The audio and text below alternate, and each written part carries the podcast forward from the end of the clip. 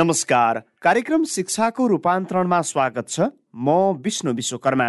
शिक्षाको समग्र अवस्थाको चित्रण गर्ने कार्यक्रम शिक्षाको रूपान्तरण हरेक हप्ताको बिहिबार बिहान साढे आठ बजेदेखि नौ बजेसम्म आधा घन्टा प्रसारण हुन्छ।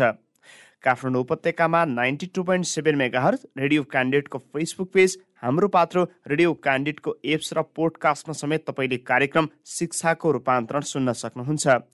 कार्यक्रम शिक्षाको रूपान्तरणमा हामी साताभरिका शैक्षिक गतिविधि शिक्षक तथा विद्यार्थीको समस्या र समाधानका उपाय पहिल्याउने गर्छौँ। अनि शिक्षाका समसामयिक मुद्दामा सम्बन्धित शैक्षिक सरकारवालासँग प्रत्यक्ष छलफल पनि गर्छौँ। आजको कार्यक्रममा हामी यस साताका शैक्षिक गतिविधिसँगै सङ्घीय शिक्षा ऐन संसदमा पेश नहुनु र यसले शिक्षामा ल्याएको अन्यलताका विषयमा छलफल गर्दैछौँ। सुरुमा यो साताका गतिविधि सुनौ साथी सिर्जना बर्देवाबाट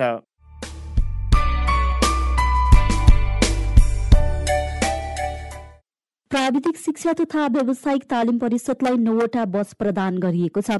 युरोपेली आयोग र ब्रिटिस काउन्सिलको सहकार्यमा दक्षता नामक डिबेट प्र्याक्टिकल पार्टनरसिप परियोजनाका प्रमुख एरिक विन्तर स्मिटले परिषदका सदस्य सचिव जीव नारायण काफ्लेलाई बस प्रदान गर्नुभएको हो। प्रोत्साहन परियोजनाले सहयोग गरेका विद्यालयलाई ती बस हस्तान्तरण गरिएको जनाएको छ। मुख्य आय स्रोतका रूपमा रहेको तातोपानी कुण्ड बन्द हुँदा म्याग्दीको बेनी नगरपालिका चार स्थित सरस्वती मावि सञ्चालनमा समस्या भएको छ।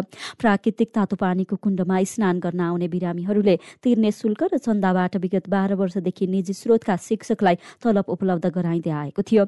कोरोना भाइरसको महामारीका कारण पछिल्लो दुई वर्ष यता तातोपानी कुण्ड बन्द हुँदा विद्यालय सञ्चालनमा असर परेको प्रधानाध्यापक सुरत बानियाले बताउनु भएको छ। सोह्रजना मध्ये चारजना शिक्षकको तलबका लागि तातोपानी कुण्डले मासिक एक लाखका दरले सहयोग गर्दै आएको थियो। कुण्ड बन्द हुँदा ऋण खोजेर शिक्षकको तलब भत्ताको जोहो गर्नु परेको छ। गत वर्षसम्म दस निजी स्रोतका शिक्षक रहेकोमा बेनी नगरपालिकाले दरबन्दी मिलानका क्रममा यसपालि प्रावि तहका पाँचजना शिक्षक पठाएको छ। यसअघि प्रावि तहका पाँचजना मात्र स्थायी दरबन्दीमा शिक्षक रहेका थिए। गृह मन्त्रालयले वैदेशिक अध्ययनका लागि जाने विद्यार्थीले सम्बन्धित देश र उक्त देशका शैक्षिक संस्थाले निर्धारण गरेको प्रक्रिया पूरा गरेर अध्ययनका लागि जान आग्रह गरेको छ। मन्त्रालयका प्रवक्ता एवं सहसचिव फरिन्द्र मणि पोखरेलले एक विज्ञप्ति जारी गरी वैदेशिक अध्ययनका लागि जाने विद्यार्थी ठगिएको एवं अलपत्र परेको भन्दै सम्बन्धित देशका शैक्षिक संस्थाले निर्धारण गरेको प्रक्रिया पूरा गरेर मात्र अध्ययनमा जान आग्रह गर्नुभएको हो। गृह मन्त्रालयले इजाजत पत्र नलिई अनाधिकृत रूपमा सञ्चालन भएका शैक्षिक परामर्शदाता संस्था अनाधिकृत रूपमा इजाजत नलिई अनलाइन रूपमा विज्ञापन गर्ने शैक्षिक संस्था अवैध रूपमा विदेश स्थित विभिन्न देशका शैक्षिक संस्थाका प्रतिनिधिका रूपमा कार्य गर्ने व्यक्ति उप सरकारले निगरानी बढाएको हो। झण्डै दुई महिनादेखि कञ्चनपुरको महेन्द्रनगर स्थित सुदूरपश्चिमाञ्चल विश्वविद्यालय केन्द्रीय कार्यालयको कामकाज ठप्प भएको छ। विश्वविद्यालयमा रिक्त डिन सहायक डिन निर्देशक सहायक परीक्षा नियन्त्रक लगायतको पदको नियुक्तिप्रति असन्तुष्ट भएका विद्यार्थी संगठनले गत पुसमा विश्वविद्यालयको केन्द्रीय कार्यालयमा तालाबन्दी गरेका थिए। महिनौ लामो तालाबन्दीका कारण विश्वविद्यालयको नीतिगत आर्थिक लगायतका काम प्रभावित बने पनि तालाबन्दी खुलाउने विषयमा पहल भएको देखिँदैन। विश्वविद्यालय विद्यालय केन्द्रीय कार्यालयका लेखा प्रमुख अशोक भण्डारीले तालाबन्दीका कारण केन्द्रीय कार्यालयको कामकाज ठप्प भएको बताउनु भएको छ। कोभिड नाइन्टिन सङ्कट व्यवस्थापन समन्वय केन्द्र सिसिएमसीले विश्वविद्यालय तथा अन्य शैक्षिक संस्थाहरू फागुन एक गतेबाट भौतिक उपस्थितिमा सञ्चालन गर्न सिफारिस गरेको छ। गएको शनिबार बसेको सिसिएमसीको बैठकले फागुन एक गतेदेखि विद्यालय खोल्न सिफारिस गरेको हो। विद्यालयको हकमा बाह्र वर्षभन्दा माथिका विद्यार्थीलाई भौतिक उपस्थितिमा पढाउन सकिने र बाह्र वर्षभन्दा मुनिका विद्यार्थीलाई स्वास्थ्य मापदण्ड अपनाएर आलो पालो गरी भौतिक उपस्थितिमा पढाउन सकिने सिसिएमसीको सिफारिस छ। अनुसार फागुन एक गतिदेखि विद्यालय खोल्न सरकारले भनेको छ। दाङको तुलसीपुर उपमहानगरपालिकाले सञ्चालनमा ल्याएको छात्रवृत्तिका कारण कलेजमा छात्राहरूको संख्यामा उल्लेखनीय वृद्धि भएको छ। छात्रवृत्ति प्रदान गर्न थालेपछि छात्राहरूको संख्यामा उल्लेखनीय वृद्धि भएको हो। प्राविधिक शिक्षा पढ्ने छोरीहरूको चाहनालाई पूरा गर्न छात्रवृत्तिको व्यवस्था गरेको कलेज प्रमुख रमन आचार्यले बताउनु भएको छ।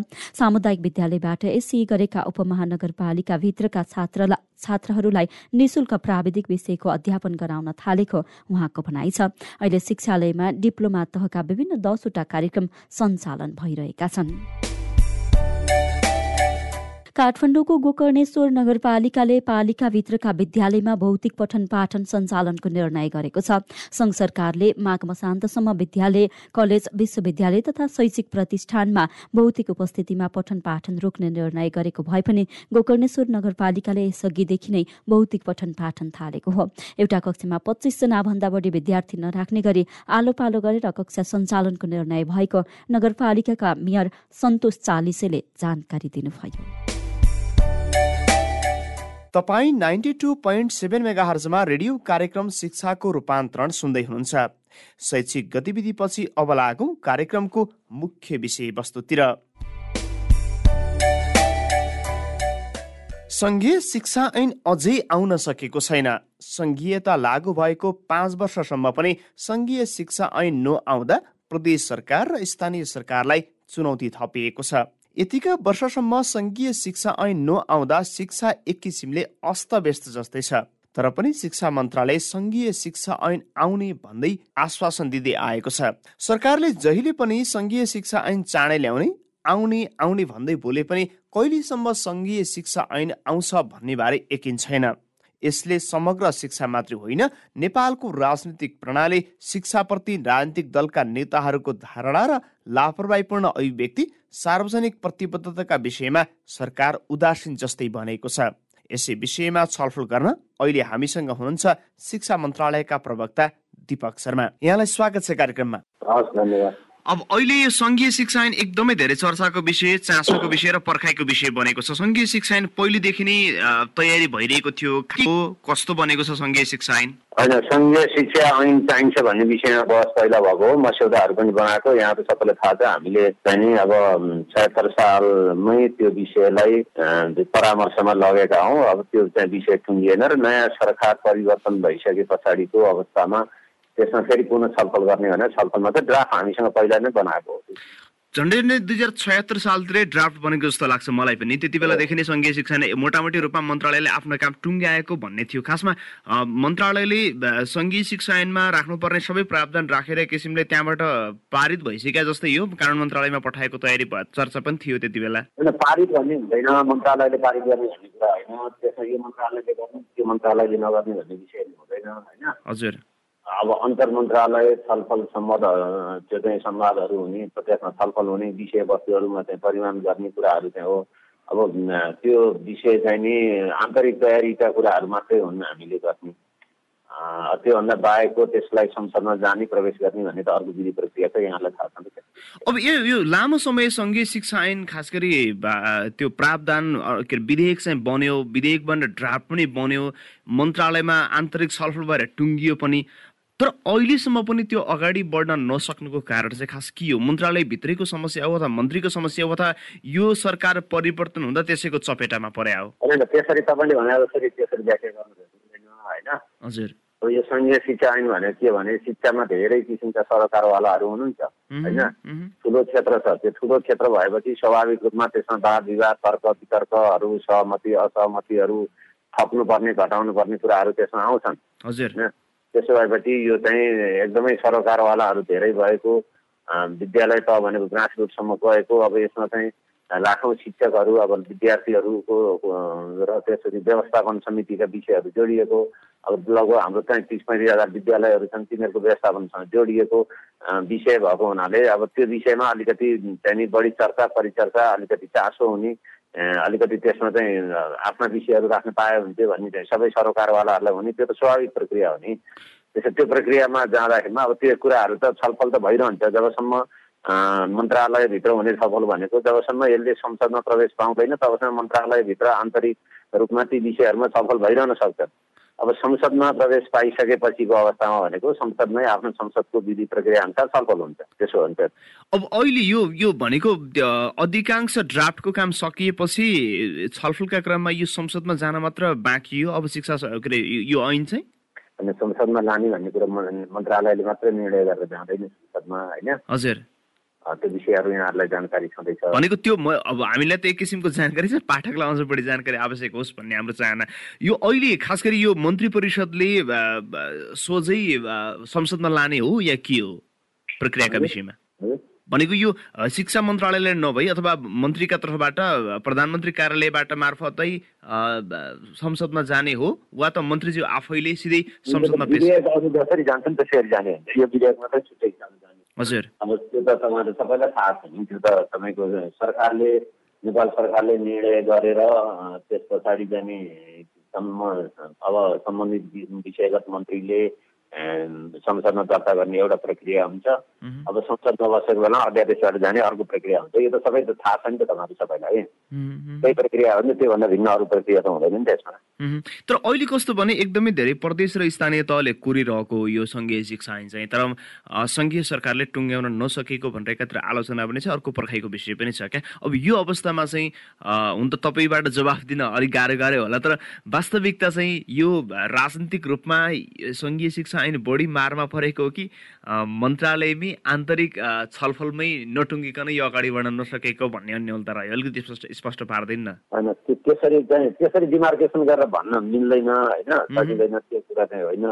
तपाईँले भने जस्तो सबै ऐन बनेका छन् हामी कहाँ छैन। कतिपय ऐनहरू चाहिँ तपाईँले हाम्रो मन्त्रालयको मात्रै कुरो नगर्नुहोस् अरू सबै हेर्नु भने कतिपय ऐनहरू चाहिँ प्रक्रियामा छन् कतिपय ऐनहरू त्यति छलफलमा छन् अगाडि बढ्न सकेका छैनन्। त्यो समग्र पद्धति प्रक्रियामा हेर्नु पऱ्यो। यसमा चाहिँ मन्त्रालयमा अप्ठ्यारो हो कि बाहिर भन्ने होइन। मन्त्रालयमा अप्ठ्यारो छैन त्यही त। यो त जस्तै छयत्तर सालमा पनि तत्पूर्व शिक्षा मन्त्री गिरिराजमणि पोखरेल भएको बेला उहाँले त त्यो ऐनमा भएका मुख्य मुख्य बुदा सार्वजनिक गर्नुभएको थियो पत्रकार सम्मेलन गरेर। भनेको त्यहाँसम्म पुगिसकेको ऐन अब संसदमा जान्छ आउला भन्दा भन्दा भन्दा भन्दा दुई तिन वर्ष थप बित्यो।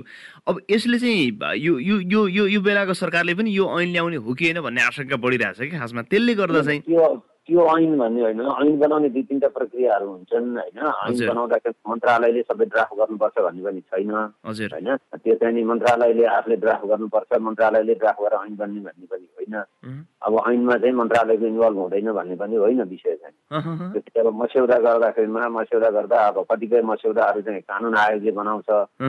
त्यो मस्यौदाहरू चाहिँ अब अरू हिसाबले जान्छन् कतिपय चाहिँ अब विधेयक जुन हाम्रो सांसदहरूले आफै प्रस्तुत गर्न सकिन्छ विधेयकहरू पनि हुन्छन्। अब अर्थ विधेयक भने अर्थ मन्त्रालयबाट मात्रै जाला त्यस्ता विषयहरू हुन्छन्। त्यसैले मन्त्रालयले बनाएको ऐन हो भन्ने विषय चाहिँ होइन। हामीले त प्रस्ताव गर्ने विषय हो होइन? हामीले प्रस्ताव गर्ने विषय यस्तो चाहिँ विषयगत मन्त्रालयको हिसाबले यो कुरा राख्दा उपयुक्त हुन्छ भनेर प्रस्ताव गर्ने मात्रै हो। त्यो प्रस्ताव गरिसकेदेखि अब त्यसमा चाहिँ नि अब नेपाल सरकारले निर्णय गर्न अगाडि त्यसो कानुनको मस्यौदाको सम्पादनको दृष्टिले कानुन मन्त्रालयले हेर्नुपर्ने हुन्छ। त्यसमा आर्थिक दायित्व पर्ने विषयहरू आर्थिक मन्त्रालयले हेर्छ। अब शिक्षक सेवा शर्त सम्बन्धी सुविधा छ कर्मचारीहरूको त्यस्तो छ भने त्यो लोकसेवा आयोगको चाहिँ हेर्ने विषय हुन्छ। त्यो त म बहुपक्षीय त्यसमा अन्तर सम्बन्ध हुन्छ कि? त्यो अन्तर सम्बन्ध भएका विषयहरू टुङ्गिँदै टुङ्गिँदै गएपछि फाइनल्ली चाहिँ नि त्यो जाने हो संसदमा। होइन? त्यसैले तपाईँले भने जस्तो यहाँ चाहिँ मन्त्रालयले पारित गर्यो पास गर्यो अनि कहाँ अड्क्यो त्यस्तो विषय होइन त्यो चाहिँ त्यो त ब्याक एन्ड फोर्थ भइरहन्छ जस्तो अहिले अहिले यसै विषयमा तपाईँले भनिरहेकै विषयमा मन्त्रालयले यो अहिले यो यो विधेयक बनाउँदा सँगै शिक्षा ऐनको यो मसौदा बनाउँदा चाहिँ तपाईँहरूले आन्तरिक रूपमा कर्मचारीको तर्फबाट कति काम गर्नुभएको छ र बाहिरबाट विज्ञहरूको त्यो त्यसरी भन्न मिल्दैन। त्यो त्यसरी भन्न मिल्दैन होइन? भनेको मैले मैले मैले सोध्न खोजेको खासमा मैले सोध्न हामीले यो काम गर्यो अर्को पक्षले यो काम गरेन भन्ने त्यसरी भन्न मिल्दैन। सरकारका अङ्गहरूको चाहिँ सबै हामी एउटै हौ है। त्यसैले चाहिँ मैले तपाईँलाई हामीले मन्त्रालयले यति काम गर्यो अथवा मेरोमा मैले मेरो मेरो जिज्ञासा कहाँ मात्रै हो भने अहिले जसरी यो विधेयकहरू बनाउँदा चाहिँ कतिपय मन्त्रालयकै कर्मचारीले बनाउँछन् बाहिरबाट विज्ञहरूको सहयोग लान्छन्। तर यो सङ्घीय शिक्षा ऐनमा तपाईँहरूको चरण त विभिन्न चरणमा छलफल भएको छ नि त कतिपय कुरा हामीले पनि जानकारी पाएका थियौँ। त्यसैले चाहिँ सबै विज्ञहरूको सुझाव लिएर मन्त्रालयले यो यो यो यो विधेयकलाई यो मस्यौदालाई चाहिँ अन्तिम चरणमा पुर्याइसक्दाखेरि कुनै त्यस्तो कसुर त बाँकी छैन नि भनेको अब थप छलफल गर्नुपर्ने आवश्यकता छैन नि भन्न सोध्नु खोजेँ मैले चाहिँ। होइन होइन। अन्तिम त हाम्रो आन्तरिक छलफल त जबसम्म संसदमा दर्ता हुँदैन त्यो बेलासम्म भइरहन्छ। तर मोटामोटी पहिलो चरणको जो ड्राफ्ट गर्ने विषय मैले त्यही भने हामीले मोटामोटी ड्राफ्ट हामीले छयत्तर सालमै पनि हामीले अगाडि बढाएको हो तपाईँले अघि पनि भनिसक्नुभयो होइन? छयत्तर सालमा हामीले ड्राफ्टमा चाहिँ त्यो अन्तर मन्त्रालय अब मन्त्रीज्यूले त्यो बेलामा तत्कालीन अवस्थामा मान्य मन्त्रीज्यूले त्यो सार्वजनिक गर्नुभयो भन्नुभयो भनेर तपाईँले अघि भनिसक्नुभयो होइन होइन त्यो हिसाबले मस्यौदा छैन भन्ने विषय नै भएन त्यसले मस्यौदा भने कस्तो हुन्छ भने यसको त जबसम्म संसदमा प्रवेश पाउँदैन तबसम्म सरकारको पक्ष त सरकारको अङ्गहरूभित्र त्यसको छलफल त भइरहन्छ नि। संसदमा गइसकेपछि संसदले आफ्नो हिसाबले छलफल गर्ने विषय हुन्छ। हजुर। भनेको अहिले मलाई मलाई अब यो यो एकदमै अन्य तपाईँ र मेरो कुरा हुँदा पनि अहिले शिक्षा मन्त्रालयले एक किसिमले आफ्नो सबै काम टुङ्ग्याएर कानुन मन्त्रालयसम्म पठाएको छ। मैले त्यही भन्दैछु। त्यसरी भन्न मिल्दैन। सरकारको निकायमा एउटा मन्त्रालयले काम टुङ्ग्यायो अर्को मन्त्रालयको काम बाँकी छ भनेर त्यो त मैले सकेँ अर्कोले सकेन भने दुःख दिने जस्तो कुरो पनि त्यसरी त्यो त ब्याक एन्ड फोर्थ मैले अघि भने नि। तपाईँको हरेक मस्यौदामा छलफल भएदेखि सरकारको अन्तर मन्त्रालय जो जोसँग सम्बन्धित हुन्छ त्योसँग छलफल भएपछि त्यसमा परिमार्जन गर्ने सुधार गर्ने क्रम त चलिरहन्छ। त्यो त्यो एउटाको मात्रै यसको काम सकेर अर्कोलाई बुझाएको भन्ने हुँदैन कि त्यो भनेको त्यसो भन्दा दुईटा मन्त्रालयको सल्लाह सहमति एक किसिमको तपाईँहरूको त त्यो त्यो काम टुङ्गेरै संसदमा जाने हो नि त यो त कति पुग्यो कति पुगेन संसदमा छलफल भएपछि फेरि फिर्ता आएर फेरि लिने होला। यो त तयारी छँदैछ तपाईँले भनेको तर मैले सोध्न खोजेको असाध्यै धेरै लामो समयदेखि प्र्याक्टिस भएको तपाईँकै शब्दमा यसको ड्राफ्ट पनि भइसकेको तर सङ्घीय शिक्षाको रूपमा आउन नसके कि? यसले गर्दा चाहिँ कहाँ गएर अड्किएको छ भनेर मैले प्रश्न सोध्न पाउँछु कि पाउँदिनँ तपाईँलाई? मेरो जिज्ञासा अर्को चाहिँ यो हो त्यही त। कहाँ कहाँनिर अड्केको छ त्यति भन्दैन संसदमा गएको छैन त्यही त संसदमा पेस भएको छैन। भनेको मन्त्रीजी मन्त्रीजीको तयारी पुगेन भनेर मैले भन्न मिल्छ? हजुर। मन्त्रीज्यूले यो आवश्यक तयारी गर्न नभ्याएर पेस गर्न ढिला भएको भन्न मिल्छ? मन्त्रीज्यूले एकदम प्राथमिकतामा राख्नु भएको विषयलाई मन्त्रीज्यूले तयार गर्नु भन्नु त मिल्दैन। हो हो। अनि उहाँले सङ्घ यो यो समितिमै गएर पनि खास गरी शिक्षा समितिमै गएर पनि अब चाँडै आउँछ सङ्घीय शिक्षा ऐन भनेर सचिवज्यूले र मन्त्रीज्यूले भनिसकेका कुरा छ। तर अहिले छलफल गर्नुहुन्छ संसदीय समितिले बोलाएको हो छलफल भएको छ। त्यहाँ पनि छलफल भएको छ मन्त्रीज्यू त्यहाँ पनि भन्नुभएको छ यो मेरो प्राथमिकतामा परेको विषय हो भनेर। होइन? अब हामीले चाहिँ त्यसको हिसाबले काम पनि गरिराखेका छौँ। तर तपाईँले रिजल्ट खोज्नु भयो रिजल्ट नआइकन तपाईँले प्रश्न उठाउनु ठिकै हो होइन? प्रश्न उठाए पनि जवाब चाहिँ पाइँदैन। तपाईँ तपाईँले रिजल्ट खोज्नेले रिजल्टमा बेस भएर प्रश्न गर्नु ठिकै हो त्यसलाई मैले अन्यथा भन्दिनँ।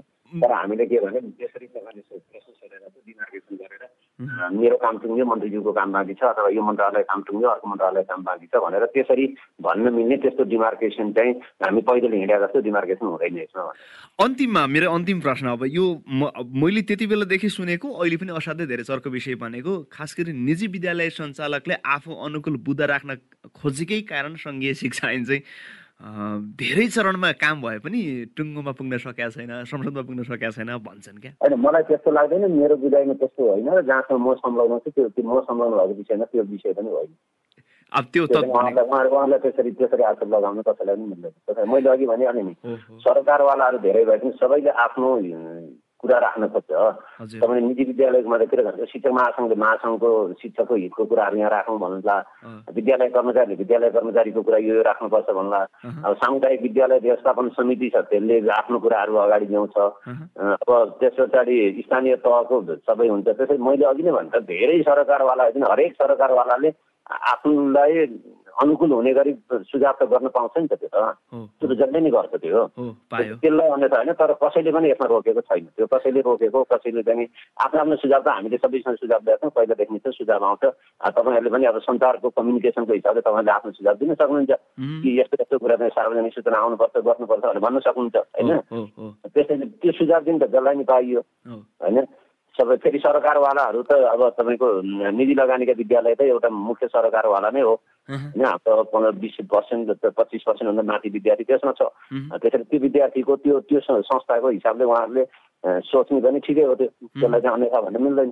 तर यसमा रोकावट कसैले त्यसरी हो त्यहीँ उहाँहरूले रोक्यो भनेर त्यस्तो भन्न मिल्दैन त्यो होइन त्यो चाहिँ गलत कुरा अन्तिममा अब यो अब चुनाव अगाडि त सायद सङ्घीय शिक्षा आउँदैन संसदमा पेस हुँदैन। चुनाव पछि यो सङ्घीय शिक्षा ऐन आउने सम्भावना छ त्यसो भने? होइन नआउने भए त बनाउनै परेन होइन भनेको यो प्रयासै गर्नु पर्ने यति बहसै गर्नु परेन होइन अब एकदमै पर्खाइको विषय भएको कारणले मलाई पनि कि यो तिन वर्षदेखि म पनि सङ्घीय शिक्षा ऐन तपाईँ खास गरी यो मन्त्रालयले भन्ने कुरा मन्त्रीज्यूले भन्ने कुरा म समाचार वाचन गरेको छु क्या तर अझै आउँदैन। त्यस कारण चुनाव अगाडि आउने सम्भावना म पनि देख्दिनँ। चुनाव पछि चाहिँ आउला है मैले त्यति भन्न मिल्छ। होइन होइन। अब त्यो चाहिँ नि संसदमा जाँदा तपाईँलाई ऐन कसरी आउँछ भन्ने त थाहा छ नि त। धेरै दुई सदनात्मक व्यवस्था छ दुई सदनात्मक व्यवस्थामा कसरी जान्छ प्रक्रियाहरू के छन् भन्ने त जम्मै तपाईँहरूलाई प्रश्न छ त्यो होइन? त्यसमा मन्त्रीजीले सगर फास्ट ट्र्याकबाट जाने भनेर पनि त्यसमा चाहिँ उहाँ लागिराख्नु भएको छ मिहिनेत गरिराख्नु भएको छ पहल गरिराख्नु भएको छ होइन? त्यसो भएपछि त अब फास्ट ट्र्याकमा जाने भनेर मान्य मन्त्रीजीले नै त्यो कुरालाई चाहिँ बारम्बार अगाडि बढाइराख्नु भएको छ भने त आउँदैन नआउने भए त किन त्यो काम गर्नु परेर गर्नु परेन नि त त्यसो भने चाँडै आओस् हाम्रो शुभकामना अब मन्त्रालयबाट भएको कामको पनि धेरै राम्रो छ। आगामी दिनमा थप हामी फलोअप अपडेट त गर्छौँ नै। हस् धन्यवाद।